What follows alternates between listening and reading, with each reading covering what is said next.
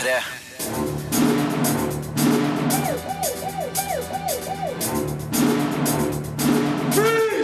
Filmpolitiet! What's your name, dude? Uh, Birger Vestmo. What kind of stupid name is that?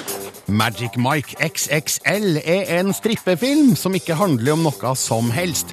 Minions viser at de små gule skapningene fra Grusomme meg er best som sidekicks. Tib Ulven er et skarpt og stilsikkert ørkendrama. Yoshi's Woolly World er et veldig søtt, variert og koselig plattformspill. Det her og mer til skal anmeldes i dagens Filmpoliti. Vi skal også diskutere ukas viktigste nyheter innen film og spill, gi deg noen gode Blu-ray, DVD og strømmetips. Og vi skal avsløre hvem som skal regissere sesong seks av Game of Thrones. På onsdag hadde oppfølgeren til Magic Mike premiere. Den heter Magic Mike XXL. Steven Soderberg står for foto og klipp på filmen, men han har gitt fra seg regiansvaret til Gregory Jacobs. Marte Hedenstad er usikker på om det var så lurt. Filmpolitiet anmelder film. Are you ready to be worshipped? Are you ready to be exalted? If you're not gonna take our word for it, we're just gonna show you. Da Channing Tatum reiv av seg buksene og flasha tangaen i Magic Mike fra 2012, omtalte jeg det som svett og hett, og trilla terningkast fem. Nå er Tatum og gjengen tilbake i oppfølgeren med den lite subtile tittelen Magic Mike XXL. Men der den første filmen klarte å være noe mer enn bare glittertruser og innolja brystmuskler, så har ikke XXL-utgaven mye å by på utover dette. Channing Tatums hoftebevegelser vil sikkert få blodet til å koke hos noen, men der Magic Mike var en film som handla om mannlige strippere, er dette en strippefilm som ikke handler om noen verdens ting. Det har gått tre år siden sist. Mike, spilt av Channing Tatum, er i full gang med å få snekkerfirmaet sitt på beina når han en dag blir oppringt av noen gamle kompiser. Gutta i strippecrewet Kings of Tampa, Tarzan, Ken, Taito og Big Dick Ritchie skal legge strippekarrieren på hylla, men før de gjør det, vil de gå ut med et smell. Et siste show. En strippekonvensjon i Myrtle Beach er målet, og Mike slenger seg selvfølgelig med på guttas aller siste eventyr. Herfra er Magic Mike XXL en ren roadmovie uten særlig mye handling. Gutta møter noen små utfordringer på turen. De krangler litt, må strippe litt, men stort sett går alt deres vei. Ganske så kjedelig, spør du meg.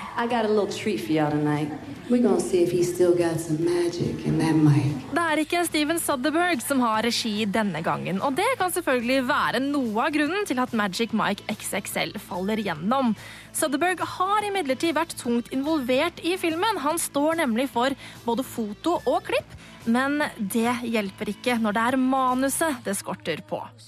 Det er noen vittige replikker her og der du kan le av, og Channing Tatums rollefigur er fortsatt sjarmerende, men flere av de andre figurene fremstår som karikerte klisjeer på lerretet, og dialogen er tidvis plump og platt.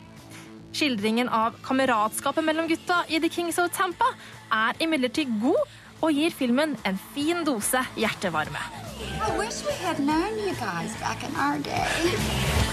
Well, I'd say it's still your day.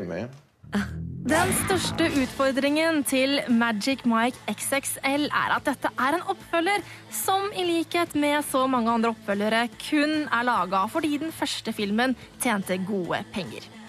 Magic Mike var dampende heit, men det som var virkelig interessant med filmen, var alvoret som lå i bunn, baksiden av medaljen og alt et liv som stripper kan føre med seg. Alt dette mangler i Magic Mike XXL, og uten en god historie å fortelle, klarer ikke filmen å bli noe mer enn det den er. Glinsende, jokkende underholdning for kåte damer. It's not bro time, it's show time. Are you guys ready?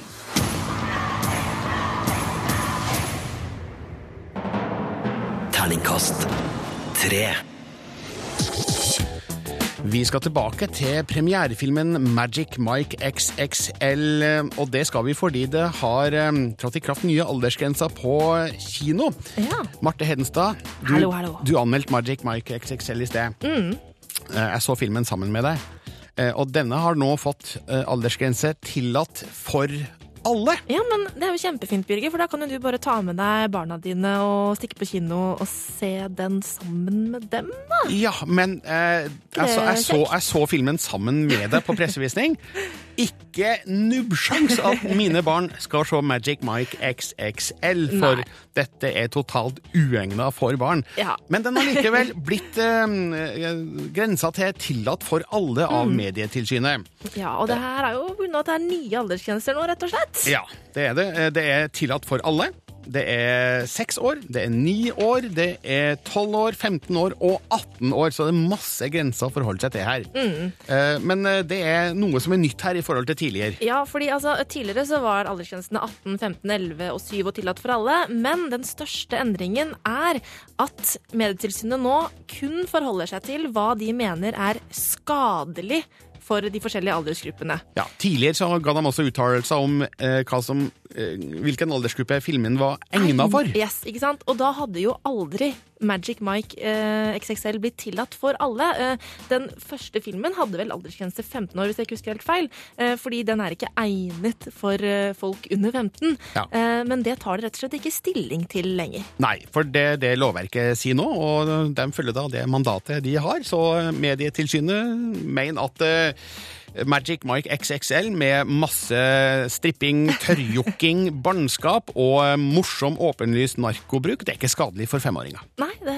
det er ikke det. Vi, vi kan kanskje være litt uenig i det, men eh, dette er altså da en av et, av, et av resultatene der, så Ja. man kan da risikere å gå på Magic Mike XXL sammen med en bøling femåringer. Og det er veldig, veldig rart. Men eh, det jeg regner med at skjer, er at det kommer sikkert til å være en god del ungdomsskolefolk på denne filmen. Jenter, kanskje, først og fremst. Ja. Mulig, mulig. Eh, men eh, så sånn kan det da bli fremover. Vi kan få slike utslag der Mm. eh, innholdet muligens ikke er passende for uh, yngre barn, men likevel ikke skadelig for dem.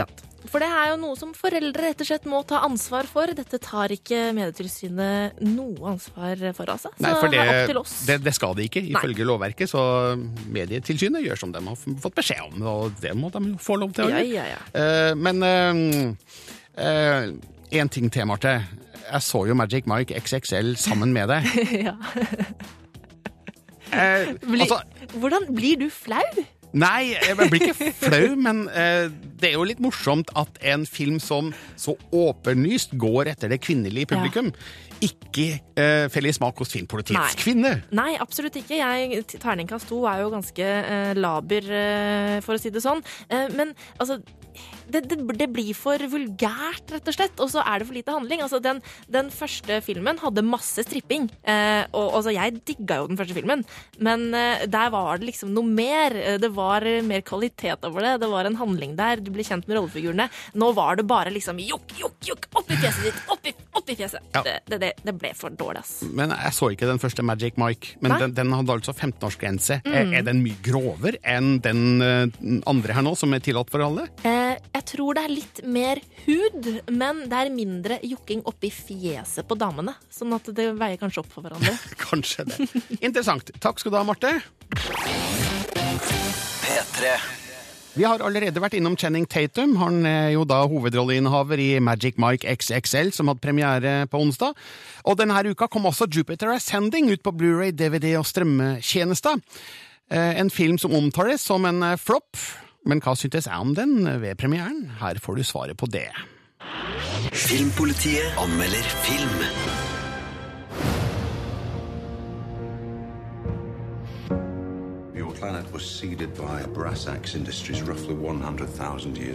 Jupiter Ascending kan minne om en slags Guardians of the Galaxy, bare uten alt som er gøy. Det handler om et menneske på jorda som oppdager at hun er en viktig brikke i et intergalaktisk spill, men regissørene Lana og Andy Wachowski pøser på med effektfull sci-fi-action uten å bry seg nevneverdig om figurene som fronter det hele. Den tynne historien fungerer nærmest som en unnskyldning for de visuelle krumspringene. Ja, det er mye lekkert som er prestert med de digitale virkemidlene, men Wachowskian har mye å gå på når det gjelder historiefortelling. I don't think that most people would want to know the truth. Jupiter Jones, spilt av Mila Kunis, er renholderen som ut av det blå blir forsøkt myrda av aliens, men reddes av romkrigeren Kane Wise, spilt av Channing Tatum, en krysning av menneske og en slags ulv. Jupiter viser seg nemlig å ha en genetisk signatur som gjør hun til den rettmessige arvinga av jorda, og må nå kjempe mot søsknene i en av verdensrommets mektigste adelige familier, Abrasax. De vil gjøre som de gjør ellers i universet, nemlig høste jordas befolkning for å lage et serum som holder dem unge og friske. Have you ever seen harvest? Never. But I've heard they feel no pain. Som du forstår, er historien reinspika tøv. Det er i utgangspunktet uproblematisk. Det samme kan sies om før nevnte Guardians of the Galaxy. Men Jupiter Ascending har verken humor eller ironi. Filmen ber tilsynelatende om å bli tatt på alvor, noe som sjølsagt er umulig. Wachowskiene kan umulig ha meint å gjøre det slik, men manuset mangler finessen som skaper en emosjonell kobling mellom publikum og filmens figurer. Det filmen ikke mangler, er ideer. Den formelig flommer over av dem i hver eneste scene. Hver rute byr på ti forskjellige ideer som gjør at jeg ikke ser skogen for bare trær. De ulike innfallene nuller ut hverandre i stedet for å tilføre filmen spennende fremtidsvisjoner. Actionsekvensene, som det er svært mange av, er så innholdsrike at det vil ta minst ti visninger for å få med seg alle detaljene. Her burde Wachowskiene kanskje ha kutta ned på den visuelle smørbrødlista for å fremme historien bedre. Jupiter Ascending har mye på gang, men dessverre ikke nok der det teller mest. Verken Channing Tatum eller Mila Kunis makter å skape figurer det er verdt å bry seg nevneverdig om. Eddie Redmayne prøver kanskje hardest som Balem Abrasax, som er filmens hovedskurk, men sjøl han blir kjedelig endimensjonal. Så da sitter vi igjen med en spektakulær effektfest, som kan være nok for noen, men Jupiter Ascending når aldeles ikke opp mot Guardians of the Galaxy.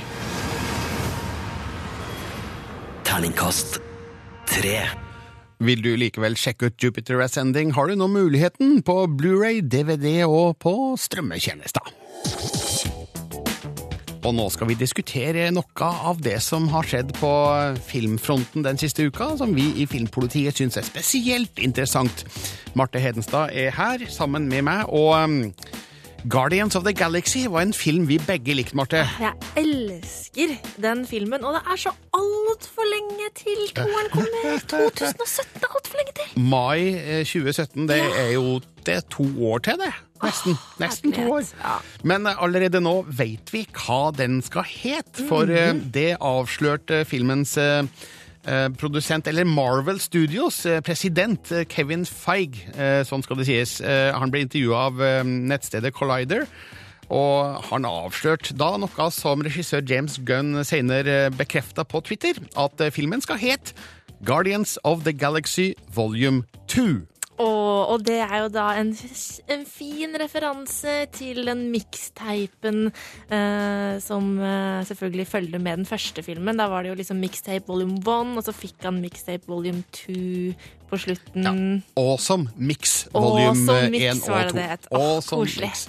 Det jeg er mest spent på, er egentlig hvilke låter er det som skal være med på eh, den kassetten. Ja, helt enig, for det var jo noe av det som var så utrolig bra med Guardians of the Galaxy, var det fantastiske lydsporet, Ja. som var så sterkt knytta opp mot historien i filmen også, sånn at jeg gleder meg skikkelig til å høre mer om det. Vi vet første låta på tapen, for det Ja, jeg skal ikke si hvorfor jeg vet det, for de som ikke har sett filmen. Oh, zip, zip, zip. Men eh, vi kan jo bare drømme da om hvilke låter som er med på volume 2. Eh, noe annet som har skjedd denne uka, er mm, at eh, Monopoly, altså Monopol, brettspillet, det skal jo lages film basert på det, og det har jo vært eh, kjent før for så vidt, eh, med Ridley Scott nevnt som produsent, men så har det blitt stille. Nå har Lionsgate og Hasbro, selskapet bak Monopol, fått Andrew Nichol til å skrive et eh, manus, og eh, det er ingen hvem som helst. Han, han skrev blant annet The Truman Show. Eh, det jeg lurer på er, hva i all verden, hva slags historie kan man koke opp rundt monopol? Jeg er helt enig. Altså, Hva skal det handle om? En eller annen sånn der eiendomsmogul som driver og kjøper opp alt, og så får han, Å, kommer han i fengsel? Og. Høres kjempemorsomt ut. Men, eh, men eh, han har jo, Andrew Nichol har jo en eh, CV som er imponerende. Ja. altså Både The Terminal og Gattaca. Så han kan spinne en historie. Ja, også de siste årene. Han, jo, men han har jo også regi og manus på den derre In Time med Justin Timberlake. Den science fiction-filmen jeg syns den var litt kul. jeg. Jeg syns ikke den var så verst. Litt Ja, trashy, ja, kanskje. litt men trashy, men helt sånn kul underholdning. Uh, men altså, det har jo blitt laga brettspillfilm eh, før. Nei, brettspillfilm før. Eh, altså Battleship. Battleship. Mm, ja. Den var jo helt OK. Ja, tynn story, Ja. men eh, den gjorde jo det man kanskje forventa, nemlig masse kriging mellom Ja, store skip og Mm. ja, også noen aliens, da. Eh, vi skal over til en annen film som er på manusstadiet, nemlig Pinocchio. Ja. Og dette er jo en historie som har blitt filmatisert flere ganger. Mm. Den mest kjente er jo Walt Disneys tegnefilmversjon. Men nå skal Paul Thomas Anderson skrive manus til Pinocchio, og kanskje regissere, med Robert Downey jr. i en av hovedrollene, Ja. og da sannsynligvis som Geppetto, altså han som eh, lager Pinocchio-dukken. eh, og det her er jo eh, Robert Downey jr. har jo liksom Pinocchio hatt som et sånt hjertebarn en stund. Han har liksom vært med og tvika litt på det manuset som, eh, som eh, Andersen eh, skriver på. Eh, men altså jeg er jo fan av Askepott-filmen som kom for litt siden. Og så gleder jeg meg til å se Skjønnheten og udyret når den kommer som spillefilm. Det er vel til neste år. Men vet du hva? Pinocchio er ikke så gira, jeg. Jeg er ikke så glad i Pinocchio. Med mindre Paul Thomas Anderson greier å skrive noe helt nytt, da, basert på den gamle historien. Vi får se. Takk skal du ha, Marte. Filmpolitiet anmelder film. C'est la banane Miam, miam De små, søte, gule hjelperne fra Grusomme meg har fått sin egen film kalt Minions. Her blir det åpenbart at de fungerer best som sidekicks, ikke som hovedfigurer. Det skorter ikke på kjapp tegnefilmunderholdning, men den svake historien mangler figurer å engasjere seg for, og har heller ikke humor med særlig brodd eller oppfinnsomhet. Minions vil trolig gå rett hjem hos de minste barna, men blir for døll og kjedelig etter min smak. Ah. No, no, no, no, Kevin. Mere due. Mere due. Beta. Vi blir fortalt at Minions har tjent slemminga siden tidenes morgen. I 1968 er de på utkikk etter en ny sjef, og Minionsene Stuart, Kevin og Bob drar til forbryterkongress i Orlando for å komme i kontakt med den slemmeste kriminelle av dem alle, Scarlett Overkill. Hun tar dem med til Swinging Sixties-England for å stjele dronning Elisabeths krone, men begivenhetene tar en vending som avslører Scarletts egentlige planer. Skal vi til skurkekongressen? Donata! Få alle favorittskurkene til å signere dette bladet. Scarlett Overkill! Hvis jeg var Minion, så er det henne jeg ville jobba for! Filmens historie rulles ut effektivt, men det viser seg fort at det ikke er så veldig mye å engasjere seg for her. Minions er, som før nevnt, små, søte og gule, men ikke stort mer enn det. De har begrensa med språk, som er morsomt fremført, også i den norske dubbinga, men det gjør at historien ofte må fortelles gjennom figurer rundt dem. Madagaskar-pingvinene gjorde et mer vellykka sprang fra sidekicks til sin egen film, men de har jo et språk å formulere seg på, og dermed enklere å få et forhold til. Jeg elsker deg, Skalle! For meg så går alle drømmer i oppfyllelse. Respekt. Makten. Banana! Banana! Minions er for så vidt godt animert. Mye jobb er åpenbart lagt ned, men filmens visuelle uttrykk er enkelt og strekker seg ikke mot sjangerens topper. Den nøyer seg med middels kvalitet. Det er kanskje ingen vits i å overdrive arbeidet med en film som den her, der målgruppa virker å være for ung til å kunne sette pris på den ypperste 3D-animasjonen. Det skal òg innvendes at 3D-bruken i Minions av og til overdrives unødig. Ikke verst! Hva med dere, da? Onde ferdigheter? Hello, la, la, la, la, la? Det er verken ondt eller ferdighet. Denne filmen havner altså midt på treet i de fleste avdelinger, men det er en del av filmen som fortjener ros, nemlig et ypperlig soundtrack med originalspor fra bl.a. The Beatles, The Who, The Dillinger Escape Plan, Aerosmith, Smashing Pumpkins, The Doors, The Kinks og Jimmy Hendrix. Voksne kan altså spotte gamle klassikere på lydsporet, mens barna deres vil ha mest utbytte av en film med enkel humor, grei animasjon og en likegyldig historie.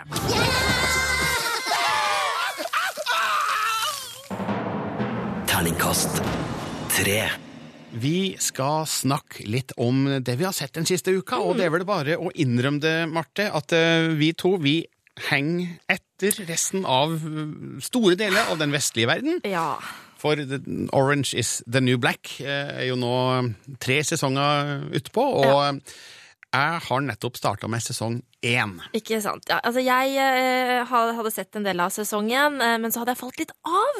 Eh, jeg aner ikke, egentlig ikke helt hvorfor. Jeg tror det hadde noe med at jeg, jeg, jeg liker ikke så veldig godt han som spiller eh, mannen til Piper Chapman i Orange is the New Black. Altså Jason Biggs, Yes, han fra American Pie. han var kul i American Pie, men jeg likte han ikke så veldig i Orange is the New Black av en eller annen grunn, så jeg falt av. Eh, Men eh, for et par uker siden så begynte jeg å se igjen, og nå har jeg sett og sett og sett og sett, og sett, og nå denne uka så har jeg liksom eh, sett nesten hele sesong tre, så nå er jeg liksom okay. opp uh... Altså det er som henger etter, ikke du? Nå henger du. etter. Ja, ok. Eh, Men vi er enige om at eh, det er et interessant persongalleri, Ja. og det var det som er seriens største forse. Mm, Jeg er helt enig. Det er veldig kult, for det er så mange rollefigurer her, og alle er veldig interessante.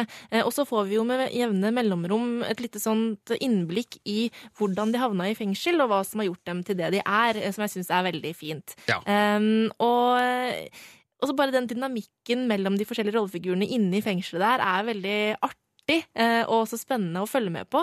Så jeg, jeg liker eh, Jeg er liksom blitt skikkelig sånn fan av Orange is the New Black nå. Men du, du er enig i at det er litt flaut eh, å, å komme og, og innrømme at man henger så langt etter på en sånn serie som alle snakker Ja, om? det er veldig, veldig flaut. Og så er det sånn, derfor er jeg sånn, ja, men jeg så første sesong, men jeg falt av litt sånn halvveis inni her så jeg prøvde, og så bare øh. Men nå må jeg jo bare innrømme at jeg tok feil. Altså, da jeg falt av, øh, jeg tok feil. Ja. Det er kjempebra. Vår kollega Sigurd Vik har jo anmeldt sesong tre til en femmer Mm, på terningen, så vi får bare si at eh, den offisielle meninga til Filmpolitiet den ligger der på våre nettsider, p3.no Filmpolitiet. En av filmene som er aktuell på Blu-ray, DVD og strømming denne uka, er Project Almanac, som hadde kinopremiere i slutten av januar. Av en eller annen grunn som vi nå ikke husker, så anmeldte vi den ikke da. Ja, ja, jeg skjønner ikke hvorfor vi ikke gjorde det, for det her ser jo ut som en film som på en måte er straight up our alley, hvis man kan si det sånn. Så vi får bare si unnskyld til de som savna vår anmeldelse av Project Almanac i januar, hvis noen. Men nå er den altså på Blu-ray. Jeg så den eh, nå tidligere i uka, og det er jo en tidsreisefilm, det her. Om en gjeng eh, college-ungdommer, eller high school-ungdommer kanskje, som da eh, finner opp en tidsmaskin basert på den enes avdøde fars arbeid, da, og reiser da tilbake i tid for å ja, fikse karakterer og, og litt sånn, og skape da eh, uventa konsekvenser som de da må reise tilbake igjen for å rette opp i, og så videre, og. Og hvordan er det liksom, det er alltid sånn i tidsreisefilmer, eh, klarer de å unngå disse logiske bristene? Overhodet ikke! Nei da. Eh, Men det som irriterer meg mest med filmen, det er jo at de her figurene er så innmari dumme. De sier jo det, Noe av det første de sier, er jo at vi må være forsiktige for ikke å skape ringvirkninger. Og så gjør, gjør de de, jo nettopp ting. det, Ja, og driter i alle konsekvenser. Og de refererer jo til tidsreisefilmer, som for eksempel Time Cop og Terminator 1 til 4. Eh, refererer jo da utrolig nok ikke Ikke til Back to the Future 1-3, som jo da, når man først refererer til tidsreisefilmer i en Mm. tidsreisefilm, så må man ha med Back to the Future. Helt enig. Ja. Så eh, jeg- vil si at eh, uten at jeg har skrevet en ordentlig anmeldelse av Project Almanac, så er det en treer. Ja, ok. Kan være, Midt på treet. Kan være grei tidtrøyte, men ikke forvente noe stort av denne tidsreisefilmen. Jeg skal bare veldig kort avslutningsvis nevne at jeg har sett en annen tidsreisefilm den siste uka. Fordi Terminator Genesis Ja. eh, så jeg jo forrige uke, og da fikk jeg veldig lyst til å se Terminator 2 om igjen. Jeg har lyst til å se den igjen sjøl, altså. Jeg gjorde, det nå, jeg gjorde det nå med min sønn på snart 13. Han er jo da gammel nok, ifølge norsk lov, Var det første gang han så den? Det var første gang han så så den. Eh, og han er jo nå gammel nok til å se Terminator 2, for den har aldersgrense 15 år, bare så det er på det rene. Og ble jo slått i bakken av hvor utrolig god den filmen fremdeles er. Og ikke minst hvor godt effektene står seg. Eh, Nå 24 år etter, Ja, mm. så, så er Terminator 2 et mesterstykke av en actionfilm, vil jeg si, i regi av James Cameron. Og der fikk jeg gåsehud. Ja, så om man ser Terminator Genesis på kino eh, nå og tenker nja, vel, var det her så bra da? Få tak i Se, Terminator ja. 2, se den. Filmpolitiet anmelder film. من يغوص البحر الأحمر فلا يلحق مداه den jordansk-britiske filmen Tib, Ulven, er et skarpt og stilsikkert ørkendrama om ublide skjebner i et ugjestmildt miljø. Tankene går ubønnhørlig tilbake til en film som Lawrence of Arabia, sjøl om regissør Naji Abu Bovars film er laga i en betraktelig mindre skala. Det er uansett en imponerende fortalt historie med flotte prestasjoner både fra amatørene foran kamera og de profesjonelle bak. Tib, ulven byr på noen uforglemmelige bilder og miljøskildringer, og en spennende historie som berører og forarger.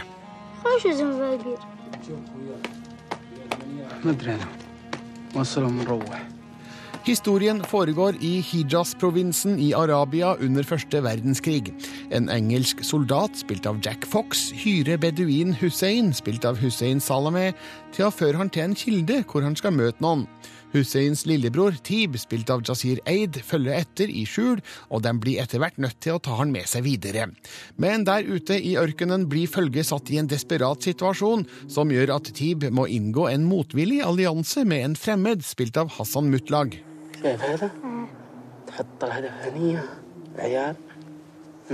Mm. Filmen starter som et rolig, lavmælt drama, der interessen for figurene, kulturen og tidsbeskrivelsen stadig øker. Men så eksploderer omstendighetene, og filmen utvikler seg til å bli en spennende kamp om liv og død, med en ung gutt ubarmhjertig kasta inn i begivenhetene, uten at hans alder ser ut til å være problematisk. Lille Jasir Eid har en intens tilstedeværelse foran kamera, som gjør at hans tidvise begrensninger som amatørskuespiller raskt kan avfeies. وش في الصندوق؟ الصندوق؟ كل ما نشوفه يعجعني Tib-ulven er ekstremt nydelig fotografert av Wolfgang Thaler, mest kjent for sitt samarbeid med den østerrikske regissøren Ulrich Seidel. Her får vi enorme ørkenpanoramaer og inderlige nærbilder med en sandfarga palett der blod og svette blander seg med sand og stein. Det visuelle uttrykket underbygger figurenes akutte situasjon, der alle forhold jobber imot dem. طاب طاب اذبحه لا عليه اذبحه ما جاء قدام وين ما جاء قدام هاي طابك Tib-ulven er en vellykka film med nerve og tyngde. Parallellene til Lawrence of Arabia er allerede nevnt, men filmen har òg et visst slektskap til westernfilmer av f.eks. John Ford og Sergio Leone. Mindre imponerende blir det ikke av at det her er Naji Abu Bovars debut som forfatter og regissør av spillefilm. Han har laga et fortetta drama om den unge beduinguttens første kontakt med den store verden rundt han, og man må bare bli emosjonelt engasjert av det han opplever. Tib-ulven er varmt anbefalt. Terningkast fem. Les mer om film, spill og serier på p3.no Filmpolitiet. Filmpolitiet hver fredag fra 11 til 1 på P3. Filmpolitiet anmelder spill.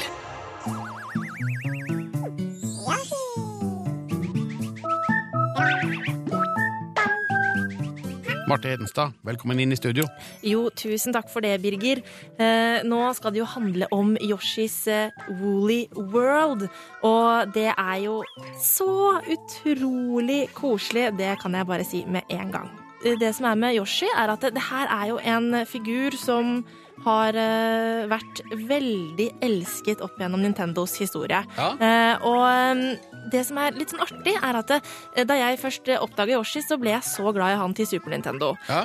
Men vi har faktisk ikke sett et spill til liksom Nintendos hovedkonsoller siden eh, Yoshi, det Yoshi-spillet som kom til Nintendo 64 i 1997. Eh, det har kommet masse til håndholdte konsoller siden den gang, Ja. men uh, nå er det da første gang siden 1997 at vi får et spill til Nintendos hovedkonsoll. Hva er Yoshis Woolly World for et spill? Kan du beskrive det? Altså, Ja. dette, hva, hva handler det om? Altså, har det en handling? Altså, Det har jo en liten handling, sånn som uh, disse Super Mario-spillene gjerne har. Så er det liksom en sånn en liten, Det er noen som skal reddes her. Uh, og denne gangen så er det sånn at eh, Yoshi og den verdenen han lever i, der er alt lagd av garn og tøy og stoff. Eh, og så er det da denne magikopaen Kamek som forvandler Han er jo slem og forvandler alle vennene til Yoshi til garnnøster Ja. og sprer dem utover hele verdenen. Så disse må da Yoshi ut og finne, eh, og da beveger du deg gjennom en eh, 2,5D-verden, som det heter. Altså et sideskrollende plattformspill Ja. eh, hvor du skal forsere ulike hindringer og finne disse garnnøstene og også mange andre ting du kan samle på. Og eh, det er jo et sånt supertradisjonelt plattformspill, eh, men, så det gjør jo ikke så mye nytt. Men likevel så er det veldig variert. Det er det absolutt. Og det har noe med at Yoshi er jo sjøl laga av garn, eh, og han kan da ta opp sine egne tråder og bruke de til å liksom spinne som en sånn rotor, sånn at det kan fly litt av gårde. Han, og alt, om, altså, altså, alt som omgir ham, er også laget av garn og stoff og sånne ting. Som for eksempel hvis du ser en løs liten tråd et sted, så kan Yoshi dra ut den med tunga, og så for eksempel eh, rakne opp sånn at du finner en ny hemmelig vei. Um, og så er det også ganske variert med tanke på fiendene i spillet. Det er jo mange av dem vi kjenner igjen fra de gamle Mario-spillene, eh, men også noen nye. Og alle har da forskjellige egenskaper, sånn at de må takles på forskjellige måter, sånn som vi ofte ser i disse spillene. Men det er altså det er, eh, Du blir aldri, du kjeder deg aldri i Yoshis eh, Woolly World. Det er så trivelig, rett og slett, bare. Jeg blir sånn glad av å snakke om det. Ja, så det her er spillet å ta frem når det regner og, og humøret er nedadgående. Ja. Da er Yoshis Woolly World en humørspreder. Absolutt. Og du kan også få med deg en venn med, på lokal flerspiller i sofaen, og det er absolutt et pluss. Terningkast fem. Nå, Marte Hedenstad, skal vi over til noe du liker. Yes! Game of Thrones. Yep. Sesong fem er vi nå ferdig med. Mm -hmm. Sesong seks skal straks spilles inn, litt over hele verden, blant Mhm. annet da i Irland. Og denne uka ble det eh, avslørt hvem som skal regissere Game of Thrones Og- sesong seks. Og det er liksom sånn ikke lest noe om for at, jeg skal, at du skal få lov til å fortelle med det på lufta. Eh, Og nå, nå er vi fullt klar over at det er kanskje ikke alle som bryr seg om hvem som regisserer de ulike episodene av en TV-serie, fordi eh, det er jo gjerne en serieskaper eh, bak, eller to, som kanskje er de viktigste. Men mm. det er likevel interessant, syns jeg, da, å se på hvem som skal styre de forskjellige episodene i havn. Og de første to episodene av sesong seks skal regisseres av Jeremy Podeswa. Eh, Det er et navn som eh, TV-seriekjennere i hvert fall eh, husker godt, fra Boardwalk Empire, The Tudors, eh, Six Feet eh, Under, Det The Pacific. jeg-. Det her tror jeg passer bra, for det her er jo eh, en fyr som virkelig har kål på serier med Altså, hvor, hvor rollefigurene og karakterskildringene er viktig. Ja. Det passer fint innenfor Game of Thrones, tror jeg. Og så episode tre og fire skal regisseres av Daniel Sackheim. Han var faktisk da en av produsentene av Miami Vice på 1980-tallet. Eh, Så han har vært med en stund, men har også regissert blant annet eh, X-Files-episoder og, og House og The Americans, som jo nå har gått eh, det, det siste året. Episode fem og seks. Jack Bender, du har kanskje ikke hørt om han heller? Nei, det har jeg ikke hørt om. Men han har regissert eh, 38 episoder av Lost. Oi! Og, Ja, for det, det er sånn man kjenner serieskaperne, men sånn kjenner man ikke igjen navnene på regissørene nødvendigvis. Nei. Men 38 episoder av Lost, da har man vært med litt og gjort noe. Da blir det noe overnaturlige greier i neste sesong av Game of Thrones. E- Episode 7 og 8 eh, regisseres av Mark Mylod. Eh, han har bakgrunn fra Shameless på Showtime og, og. Entourage på HBO. Eh, han hadde også to episoder i sesong fem eh, av Game of Thrones, eh, High Sparrow og Sons of the Harpy. Ja. Eh, Ni og ti syns jeg er mest interessant, fordi den, de episodene skal regisseres av Miguel Sapochnik. Sier meg ingenting, Sier meg egentlig, ingenting, meg heller. men han regisserte Hard Home-episoden av sesong fem. Og det var jo den beste episoden i hele sesongen, nesten i hvert fall, vil Ja, jeg si. det er den med det store Mm. slaget som Kristoffer Hivju fikk eh, bryna seg på. Eh, var, det, var det den nest siste episoden, eller var det den Det var tredje siste? episode åtte, tror jeg. Ja. Mm. Eh, han skal da stå for eh, de to siste eh, episodene av Game of Thrones sesong seks, og vi kan jo bare håpe da på en ja, men Ikke en Hard Home 2, da, men et par virkelig hardtslående episoder med store slag. Så du gleder deg til Game of Thrones Jeg- jeg sesong seks? Ja, og det som er at jeg vet jo ingenting om hva som skal skje, for dette serien har tatt igjen bøkene. Så da er det bare å vente i spenning. Men Jack Bender har eh, uttalt, eh, ja, altså han som skal regissere episode fem og seks, han har lest alle episodene, altså manuset til alle episodene, så historien er skrevet, Marte. Det er urettferdig. P3. Og nå, Inherent Vice er klar på Blu-ray, DVD og strømmetjenester. En av de kuleste filmene jeg har sett på kino det siste halvåret. Og her er min anmeldelse fra 6. mars, så forhåpentligvis får du lyst til å sjekke den ut sjøl. Filmpolitiet anmelder film. So, what's the beef here exactly? Paul Thomas Anderson har regissert en besnærende, visuell og følelsesmessig forvirrende film som vil dele publikum. Jeg stiller meg definitivt på den positive sida. Inherent Vice er av typen film som gjør deg høy i nykter tilstand, med suggererende og psykedeliske inntrykk, et formfullendt uttrykk og et persongalleri som bare David Lynch kan vise maken til. Jeg får følelsen av å se Mulholland Drive, Frykt og avsky i Las Vegas og Blow på en og samme tid, og det er i aller høyeste grad positivt ment. Inherent Vice er kanskje ikke en film for alle, men dem som elsker Paul Thomas Anderson, må for all del ikke gå glipp av den her. I need your help, Doc. Uh, you know, I have a, an office now. That's like a day job and everything. Inherent Vice er basert på en roman av Thomas Pynchon og introduserer oss for et stort knippe figurer på skyggesida av Los Angeles på starten av 1970-tallet. Privatdetektiven Larry Doc Sportello, spilt av Joaquin Phoenix, forsøker å finne sin forsvunne ekskjæreste Shasta Faye Hepworth, spilt av Catherine Waterston. Det her fører han inn i mørke miljøer med lyssky personer, annet selskapet Golden Fang, som viser seg å være et skalkeskjul for en stor dopforretning. Word I'm hearing is that Mickey Wolfman might not be as missing as we think. Like gone, but not gone. Noe videre handlingsbeskrivelse er unødvendig og også vanskelig, da det renner inn med figurer i ulike situasjoner i flere historietråder. Men alt har én fellesnevner. Alle figurer, situasjoner, dialog og handling er gjennomsyra av dop. All tankerekka, betraktninger og konklusjoner er basert på en fordreid virkelighetsoppfatning. Å se en hel film i dette miljøet gjør noe med tilskueren. Man føler seg hekta av den virkelige verden og hensatt til en forskrudd fantasi som bare ligner noe kjent. That you, Shasta? Thinks he's hallucinating. No, just uh, package, I guess. Joaquin Phoenix er en fantastisk skuespiller. Han får godt frem Dox Portellos uberegnelige og uforutsigbare personlighet, som ser ut til å surfe gjennom dagene uten store moralske kvaler, men som likevel får en følelse av at noe bør gjøres i forhold til rett og galt. Filmens beste scene er når han gjentatte ganger går i clinch med politimannen Christian Bigfoot Bjornson, spilt av Josh Brolin, en vandrende anakronisme fra tidlig 1960-tall som har problemer med å omstille seg til hippiesamfunnet han plutselig befinner seg i. Jeg liker kontrasten mellom dem og resultatene det gir.